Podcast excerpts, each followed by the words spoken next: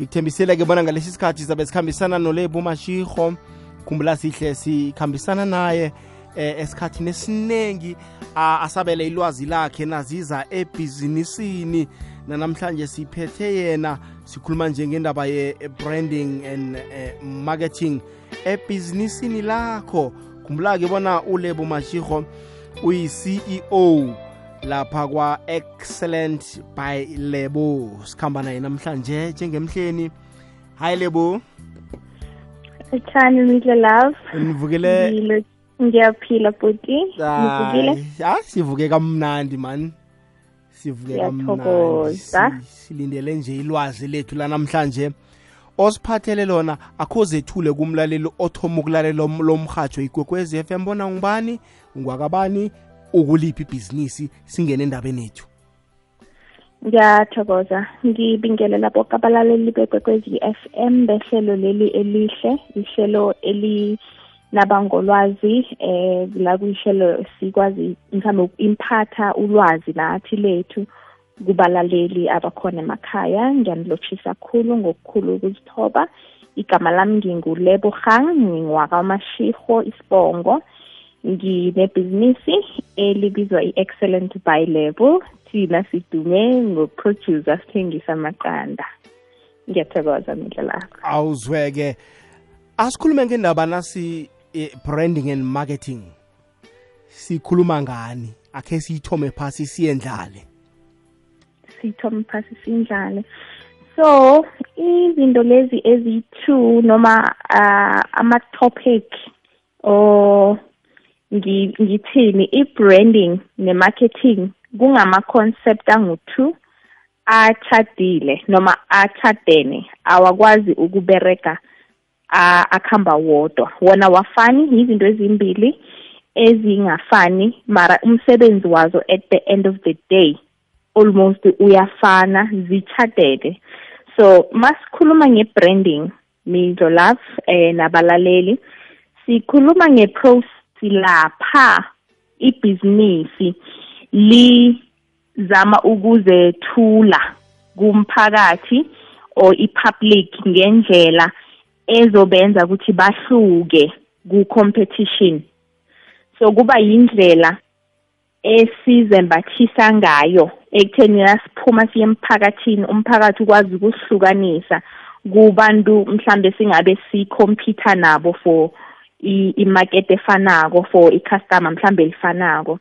So um angenze i-example mina njengesitolo mhlambe esikhiciza amaqanda bakhona abanye abantu abakwazi ukukhiciza amaqanda mara mina njengebhizinisi ngi how do i dress? Ngigcoka kanjani? Ekutheni nangiphumile ngihlangana nabanye abafuna lona i-customer leli elifunwa ngimi eh ngihluka njani? So kuba i-process engafana nokuthi sithole into esiyibiza ukuthi yi-logo or kube ne-idea noma umbono esiwuthengisako so that abantu mabezwa ubiza umbono loyo noma ukhulumisa then bakhone to pick up ukuthi hayi namhlanje ukhuluma ngebrand ethize noma ukhuluma ngebhizinisi elithize. um mhlambe nangingayenza i-example kune kune slogan abantu abaningi esisaziyo mhlambe sikhule abanye bethu sisizwa bathi life's good. Uyazi ukuthi nakhulunywa nge-life's good okudala lokhu angiyazi ukuthi bokhulunywa ngebrand ebiza i-LG for instance. So kuba i-branding kuba yindlela lesiyiberekisayo ekutheni sizithule emphakathini. Bakhone ukusazi nokuthi bahlukanise kwabanye abantu mhlambe singabe sikhompyutha nabo for the same market.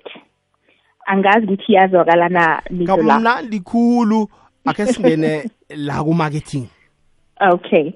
Bese ke nasikhuluma nge-marketing kuzoba lihlelo lela noma the action yokuthi vele sizipromote em eh okay.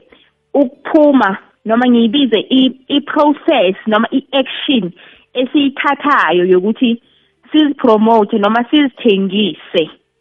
Em mase siproducer or siyibhizinisi kuyofanele ukuthi abantu abangaphandle noma ama-potential customers wethu basazi ukuthi sikhona ukuze bakhone eh mhlambe ukusifinyelela noma basebenzise i-product noma i-service esinikezana ngayo.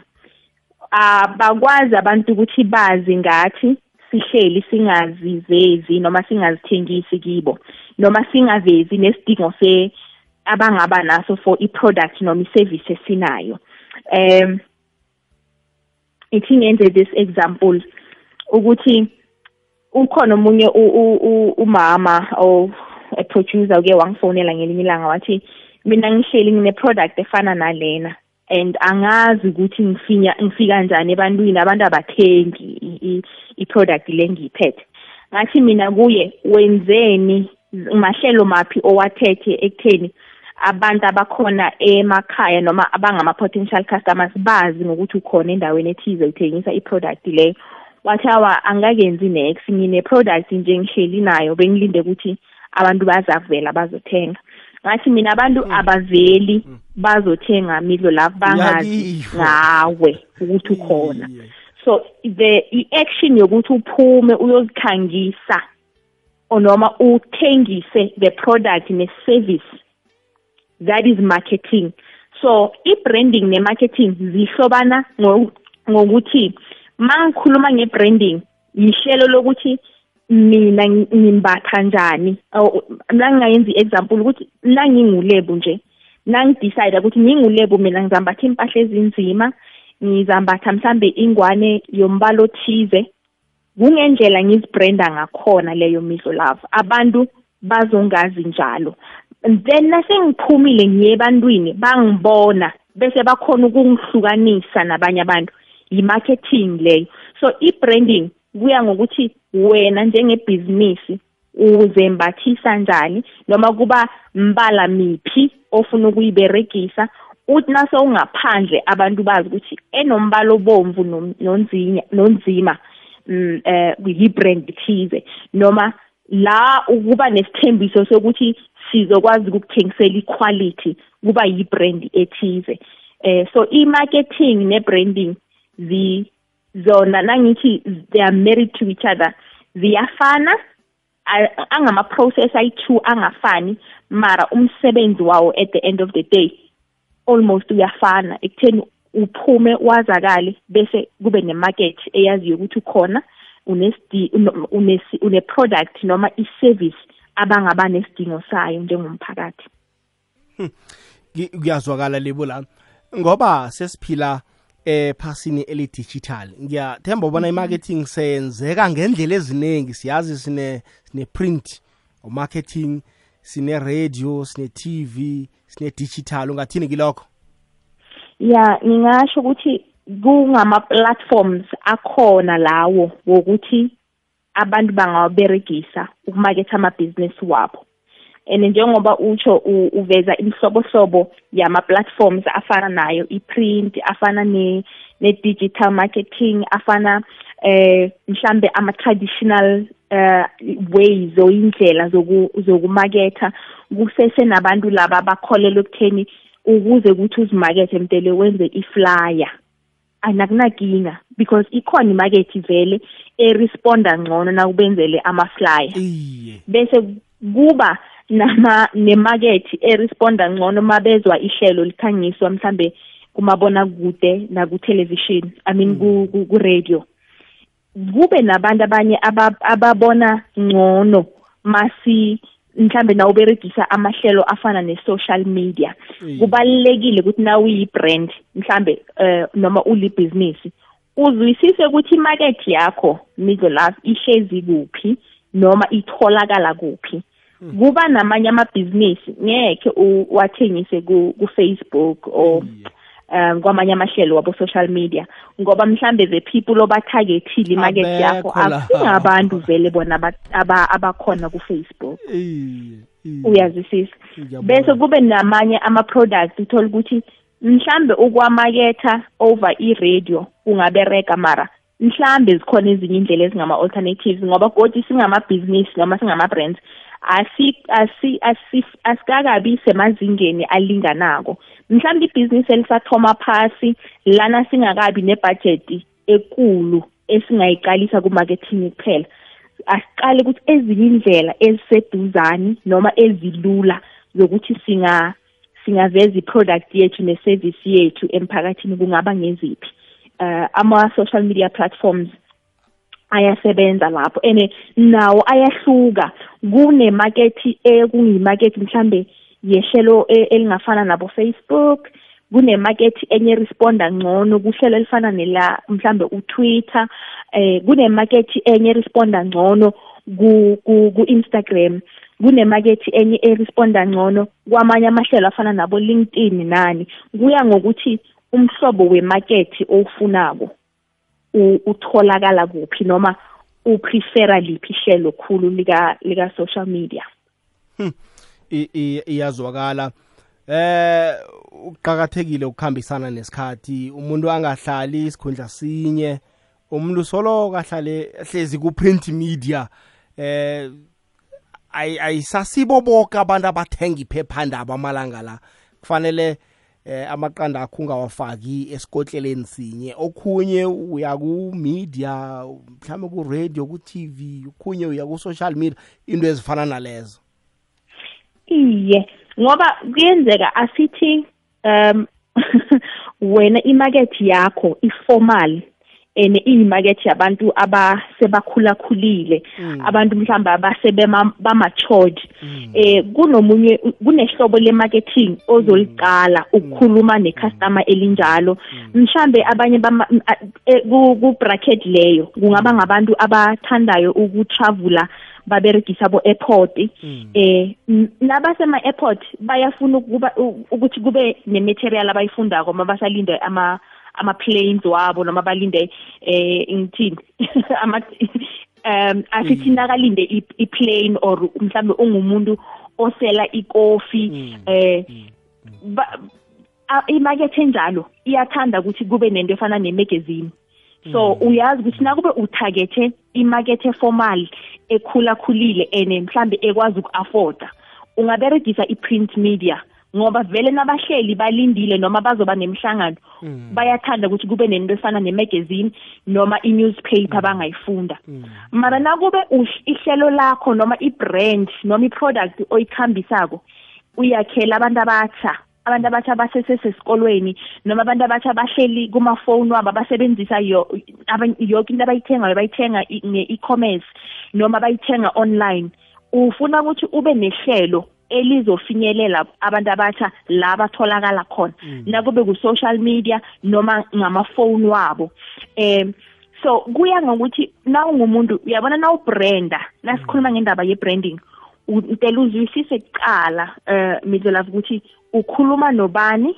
and i-product yakho ufuna ukuyithengisela ubani bese once ufikile ezingeni lelo uyokwazi ukuthi uzibranda njani umbatha ini ekutheni nawuphumako ufike emphakathini noma ufika ngaphambili kwe-competition abantu ongibo batargetile bakwazi eh uku-identifya among the rest um asithathe for example kunama sinemhlobo ethize yamafoni midlo lava noma yamagama mm. wamafoni wonke angama-smartphone kuningi bawo mara akuhamba ngamagama namagama and ama-companies wonke lawa asithengiselako noma amanufacturako kuba nomhlobo othize abawuqalileko wabantu ukuthi bafanele bathenge i-product yabo mm. kuba nabantu abanye uthole mhlambe esingababiza ukuthi ba ba-upmarket eh kunelinye ihlobo le-brand ngeke ngiyibize ngegama mm. mara woke umuntu uyazi ukuthi hayi mm. umuntu nakaphethe i-brand leya kusho ukuthi ungumuntu onemali umuntu othanda i-status eh umuntu ofuna ukuhluka kwabanye. Uyazwisisa. So bonke benza amafoni mara kuba nombono othize abawuthengisako. Mm. bese nawumthola umuntu wakhona iberegisa i-product leyo so unendlela omqala ngayo ukuthi awa ngoba phethe umhlobo so wefoni hmm. mhlambe udriver ikoloyi ethize mhlambe uhlala endaweni ethize eh izinto ezifana nalezo. So ukubranda kubalekile hmm. ngoba kuyindlela oyophuma bese abantu ozithengisa kibo the people you market yourself kibo abazokhona ukukuhlukanisa kwabanye abantu. Wona amafoni akhona mara thina sifuna le. Uthola umsebenzi esiwenzako kodwa ufana ngamafoni mara sifuna igama. Ngoba abantu ikhampani le yethize izibrande kuhle. And sinento leyo yokuthi nakuyigama leli kusho ukuthi ingcono ayifani nezinye and mhlambe iphambili. Ya ngibanga ngibambele njalo khe siyokuthingisa siyabuya. Okay phuthi ngiyabonga. Khona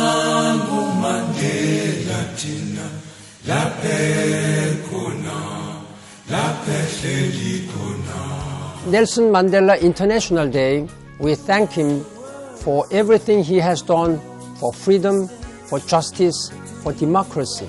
He showed the way. He changed the world. We are profoundly grateful.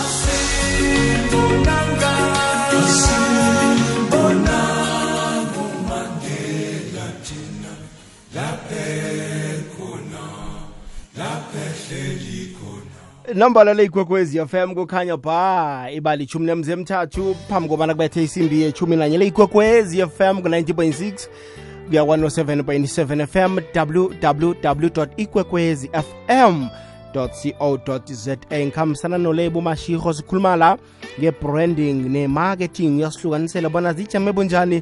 Hayi siyakumema-ke mlaleli kokwezi fm singakhambisi sodwa nawe ungangena ubuzo wakho umbuzo ku-079 413 2172 sithumele i-whatsapp voice note 079 eh, 413 2172 naku-011 7143731 7143470 7143630 ngifuna akhe stophe umlaleli la eh, simuzwe bona uthini.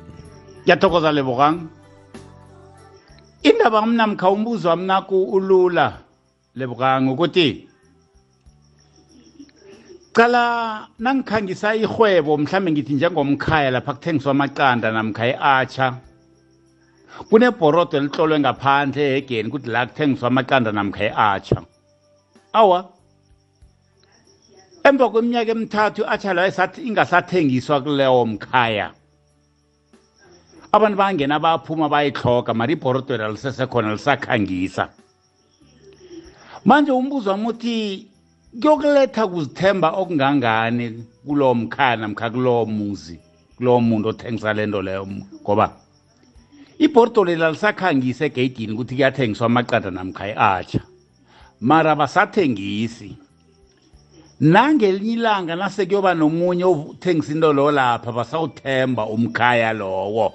Ngoba uyakhangisa mara awenzi awunayo into leyo. Ungaletha ihlathululo elingangani lokuthi mhlawumbe umuntu nangasayithengisiwe into asule nomkhangiso lowa? Ngoba ulahla abantu.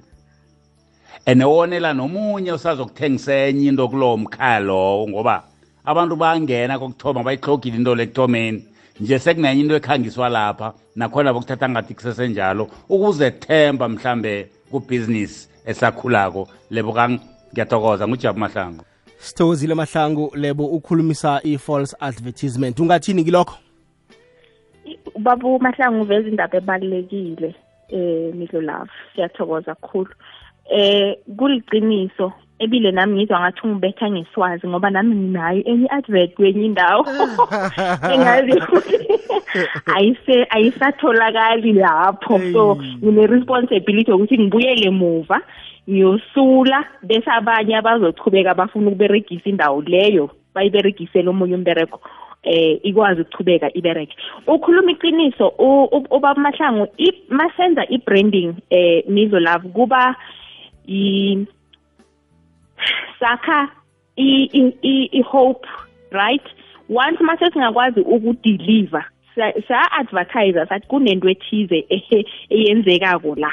Noma sikwazi ukuyikhiciza abantu umphakathi uyithole. Umphakathi nasowungena ungasayitholi kusithiyela igama elimbi. So i-branding also uthinta noma uveza indaba ebalulekile ukuthi nasakha i-branding into enye esiyenzako sakha igama sakha ngendlela abantu basazi ngakhona. Sakha the way abantu bazosiphesiva ngakhona. Nasithe thina sikwazi ukuthengisa ukudla kwezinga eliphezulu okuliquality noma okufresh bese bathi abantu nabangena bathole singadelivi lokho esibathembise khona. Kungamotha uh ibrand yethu nangendlela umphakathi usicala ngakhona. So kubalekile ukuthi nasingamabhizinisi si sibe nesiqiniseko sokuthi lokho esikuthembisile noma esikwakhe njengebrand abantu nasebafika sesimakethile bathole khona lokho esibathembise khona. Kune kune joke abantu abathanda kuyenza ku social media bathi this is what i ordered and this is what i got. Esikhathini esiningi uthole ezingafani izinto lezi. So kubalulekile ukuthi nasithengisa i-brand eh bese sibe nesiqiniseko sokuthi abantu nasebafika bazothola khona lokho esibathembise khona lokho esikukhangisile kube yizinga elifanayo nequality efanako. Iyezwakala kileyo ndawo. Manje ke lebo akhe ngithi mhlambe ngiyi-brand ngiku-entertainment industry. Kufanele ibrand yami ngiyiphathe njani ngizihloniphe njani njengebrand abantu balindele ini kimi? Kubalekile ukuthi uzwisise indaba yebrand noma ibranding. Once usowuzibrandile uba yi-brand and ukuba yi-brand kusho ukuthi sokune-reputation noma eh kune-image osowuyibeke ngaphandle. Kubalekile ukuthi the way abantu bakwazi ngakhona noma i-image i-reputation yakho uyiprotecte khulu. Vamise ngibone kwesinye isikhathi eh ama-businesses avamise aberegise aba abosoza abosazi wa abosoz aba-public figures. Uh, immediately kwangatholakala ukuthi i-public figure ethize i-involved mhlambe ku-issue engathinta i-brand yabo kumbi. Bayathanda ukuthi bazi-associate eh eh nama-public figures lawo. So lokho kubonisa ukuthi i-brand yabo bayivelua kangangani. So mawungumuntu noma uyibhizinisi noma eh uyi em ngithini uyi-artist uyi-brand number one. Ububrandi bakho bunamandla wokuthi bungakubizela amanye ama-brand afuna ukubereka nawe. Noma ungaberegiswa ngamanye ama-brand bafune ukuthi ube ngubuso babo. Eh so kubaluleke khulu ukuthi uzwisise ukuthi ma uyi-brand uziphatha kuhle na ungaphambi kwabantu uziphatha kuhle nanoma abantu bangekho eduzane kwakho into e, e, evamise siyibize ukuthi yi-character. Eh kubalulekile ukuthi uyi-check khulu because i-brand wenza imali ngegama lakho noma ngendlela abantu bakuperceive ngakhona abantu ngendlela bakwamukela ngakhona. Makuba abantu bacabanga ukuthi awusungumuntu omuhle e, e, emphakathini noma umuntu othembekile emphakathini then ibrand leyo ayikwazi ukuthi ingakhula noma abantu bafune ukuthi bayisekele. So kubalekile ukuthi umuntu ahloniphe khulu ibrand. Sonke nje singama-brand ukhuluma iqiniso midlo love. Ukuze ukuthi wena ube la ukhona noma umhajo ufune to associate nawe ukuthi uyi-brand abayithembako enabaziyo nokuthi nabayise emphakathini umphakathi uzoyamukela kuhle. Ngi-ambassador yomhajo ikwekwezi FM nangenza izinto ezingayingandlela eh endleleni le nekwekwezi yathindeka iyathindeka baba. Kulapho kugcina kuthiwe ufake udose ibrand yethu edakeni. Asifuni ukuthinta uzithintanisa naye. Ngoba ubhalelwe ukuziphatha hlangana nabantu. Sigcizelela amaphuzu akho khe wawafanisa. Lebu iba mhlanu kimzuzu phambi kobana kubethe isimbi yechumi nanye sizoyivala-ke ngesimbi yechumi nanye ngikhambisana nolebu eh mashiko siphethe indaba eh ye-branding and eh marketing. Ngiyabona lebu uh kha kunabo somabhizinisi abancane abasathuthukako babodwa abasezambathweni babodwa eh abenza imikhiqizo ethize amanzi in in uthini ngalomuntu one brand kodwana angenzi anganikeli abantu equality umuntu uyakuhamba yokuthenga iskipa se-50 rand mara abastata asibhale ukuthi eh siyayivithiza. Nasuka la asithengise 200 nawuqeda ukuvasa iskipe esa hayi sesiphume nombala kodwana ngisithenge 200 mina yena usithenge 50 rand quality uthini ngequality yebrand yakho?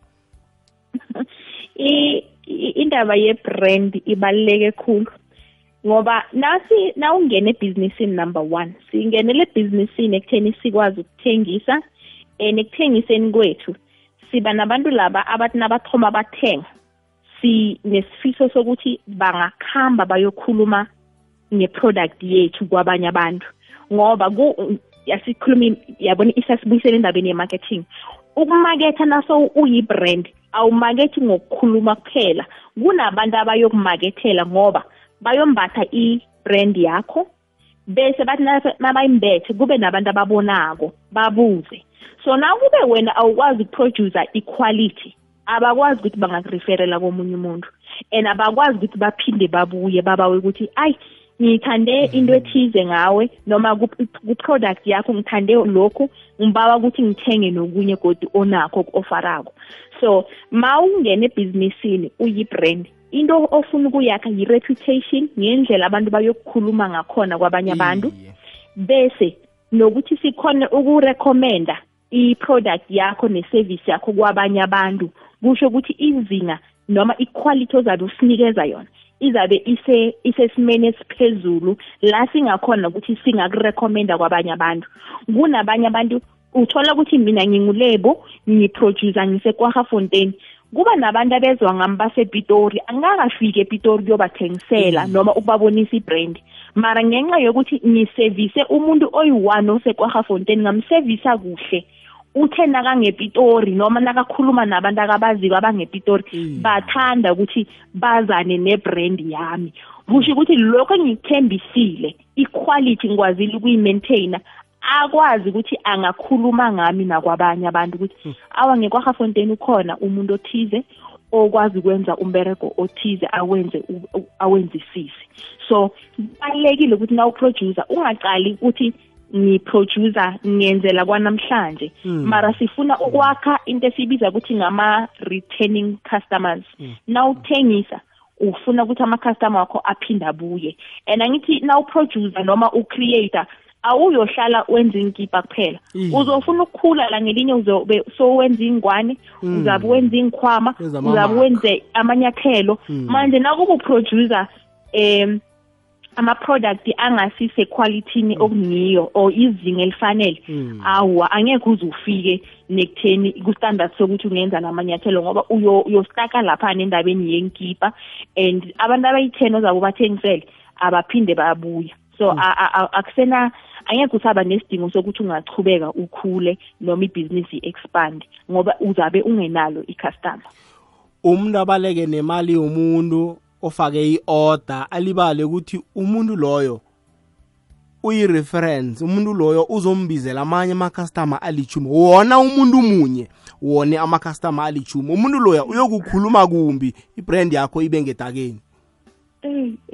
Uyabona leyo yona. Leyo yona ibalulekile ukuthi abantu siyazi especially thina ama-entrepreneurs namabhizinisi asesebancane asafufuza sifuna ukukhula. Ubuningi bethu si simotha noma amabhizinisi wethu awakhuli hhayi ngenxa yokuthi akunamali kuphela. Abanye bethu sinawo ama-customer mara into yosimotshela ukuthi siwaphatha njani ama-customer. Abanye abantu banikezana baprovide i-service. Athi umuntu ngaphambi kokuthi ngingathoma nge-service le ngibawa imali eyi-deposit. Ama-customer ngokukuthemba nokufuna ukukupha i-chance abanye abantu basidipozitele nasekufika ilanga lokuthi udelive i-service awusatholakali eh na ufonelako uh, sewungumuntu wena ongatholakali. Iba yimbi khulu into leyo and uyazi namhlanje sesinendlela eziningi abantu ba-expose ngendlela eziningi mitlo love and ezinye eziphathisa amahloni. Eh so kubalekile ukuthi nasingabosomabhizinisi singama-service providers ama-customer wethu siwaphathe kuhle siwaservice kuhle i-product noma i-service esibathembise yona ne-quality we must always meet them so that sikwazi ukukhula. Eh ama-customer wona akhona ubuningi bama-customer ahlala ngoba uthembisa ukuthi mina njenge-brand ngizokwazi ukudeliver one two three noma i-service ye-quality ethize. Bese bathena sebakunikeza i-chance yenza isiqiniseko sokuthi you deliver and udeliver omunye umuntu ke wathi kini kubalekile ukuthi singa over singa bathi don't over promise then under deliver. In fact under promise then you over deliver. Ungathembisa abantu izulu nomhlaba bese ubhalelwe ukubanikeza lokho. Rather thembisa abantu umhlaba bese uya over deliver. Mm, so bathembisa izinto ezi-reachable bese uya over deliver na uthekibo kuthatha five days ukuthi ngiyi-produce ngiyicede into le zama ukuyiproducer uyi-deliver in three days. Bese abantu kwakha i-confidence lokho nethemba kubrand yakho. I- iyazwakala lebo ngifuna akhe ngizwe umlaleli la bona uthini? Lotshani lotshani emrhatshweni ikwekwezi FM kukhanya ba. Ubaba malobolo babakaphumla extension 2 ezakheni kwamhlanga liratong owakhulele evaterfal b. Eh thombeni ngithi abantu ba- banosibuza bafuna isizo. Ngithi umsiza njani umuntu osoloko aneminyaka? Asaba ukuthi ngiyayithoma ibhizinisi ngiyayithoma ibhizinisi aloko anevalo. Umsiza njani umuntu onjengalo ukuthi mhlambe sithome phasi sibuyele ku-drawing board? Ngingamsiza njani? Ngiyathokoza ichudu lenitsharhathele asale simsiza lebo uphumile kancane esihlokweni sethu sanamhlanje kodwana asale simsiza kancane.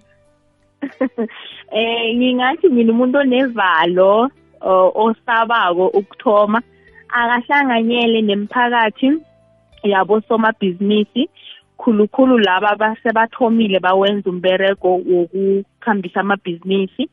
Bese kubalulekile kodwa nokuthi sihlale nabantu laba aba aba abasemphakathini yethu esibabona bangakaveleli mhlambe khulu mara babereka sizwe iintori zabo ngoba iphutha elikhulu esilenzayo abantu sicabanga ukuthi sifanele siyohlangana nabo-patrice mutsipe abantu esekudala bakhona ebhizinisini singabazi nokuthi bathomephi. So eh kuhle ukuthi si sikhulume nabantu mhlambe abakhona eduzane sikhona ukubafinyelela ngobuduzane sizwe ukuthi in- iintshijilo abahlangana nazo endleleni kuba ngeziphi nokuthi bakwazi ukundlula njani kizo. And then nawe ukhona ukubona ukuthi awa nakukwazi kwenza umuntu ongevaterfal nami kusho ukuthi ngingakhona ukuyenza into le ngikhona lana evaterfal ngisekwahafontein noma ngikwamhlanga I- iyazwakala lebo. Hayi amaphuzu nje aqakathekileko lebo ofuna ukuwagqizelela usitshele nokuthi mhlambe utholakala kuphi ku-social media kunomuntu ofuna isizo? So ngaphambi kokuthi singaphuma siyomaketha amabhizinisi wethu asithome sizwisise ukuthi thina singubani siyibrandi nokuthi sithengisa ini and sifuna ukuthi umphakathi usazi njani that is where branding is concerned. Ukuthi umphakathi usibona njani nokuthi usazi njani bakhone ukusi-identifya njani nasingaphakathi kwawo woke umuntu okhona oyi-competition yethu. Bese once sesi- sa- sizazi ukuthi singubani siyi-brand asizwisise ukuthi imarket yethu ngubani. So that si-avoide ukushutha all over the place. Sikwazi ukushutha sibe ne-target. Naso uyi-brand uzazi ukuthi mina ngithengisa izinga elithize le-quality mina ngithengisela abantu abathize abakhona emphakathini uh, awuthagethi woke umuntu. And kubalulekile ukuthi abosomabhizinisi bazi ukuthi not everyone is your target market. I-market yakho kufanele uyizwisise ukuthi ihlala kuphi ingabantu abanjani baphila njani bathandani eh babuya emphakathini onjani bese ukhulume nabo wazi nokuthi batholakala kuphi. Nabangekho ku-social media wazi ukuthi bangabantu abathanda i-print media noma bangabantu abalalela indaba noma bangabantu abathanda ukulalela amahlelo um we we we-radio namanye amahlelo mhlambe kuwakamabonakude noma bangabantu nababukela imabonakude bambukela between eight no-nine ekuseni noma entambama bese you start marketing to them ube relevant in your marketing. Eh ngicabanga ukuthi yikho lokho kubalulekile bese abalaleli abangathanda ukuthintana nami ngingulebo mashiho ku-facebook ku-twitter i am lebo underscore. Eh kula mize lapho ngingathanda ukuthi abalaleli bangithole khona sizoyithiya lapho kwanamhlanje. Ngiyathokoza. Sithokozile lebu ukuba nawe namhlanje nangokuzako nasifuna isizo lakho usabele ngendlela osabela ngayo siyathokoza ngiyathokoza. Awuzweke. Kusho lebu mashirho sikhulumile nge-branding and marketing. Sithembe bona udophela utho olukhulu. Vuka uzitshathe elinye godu elifana naleli evekeni ezako ngo-half past 10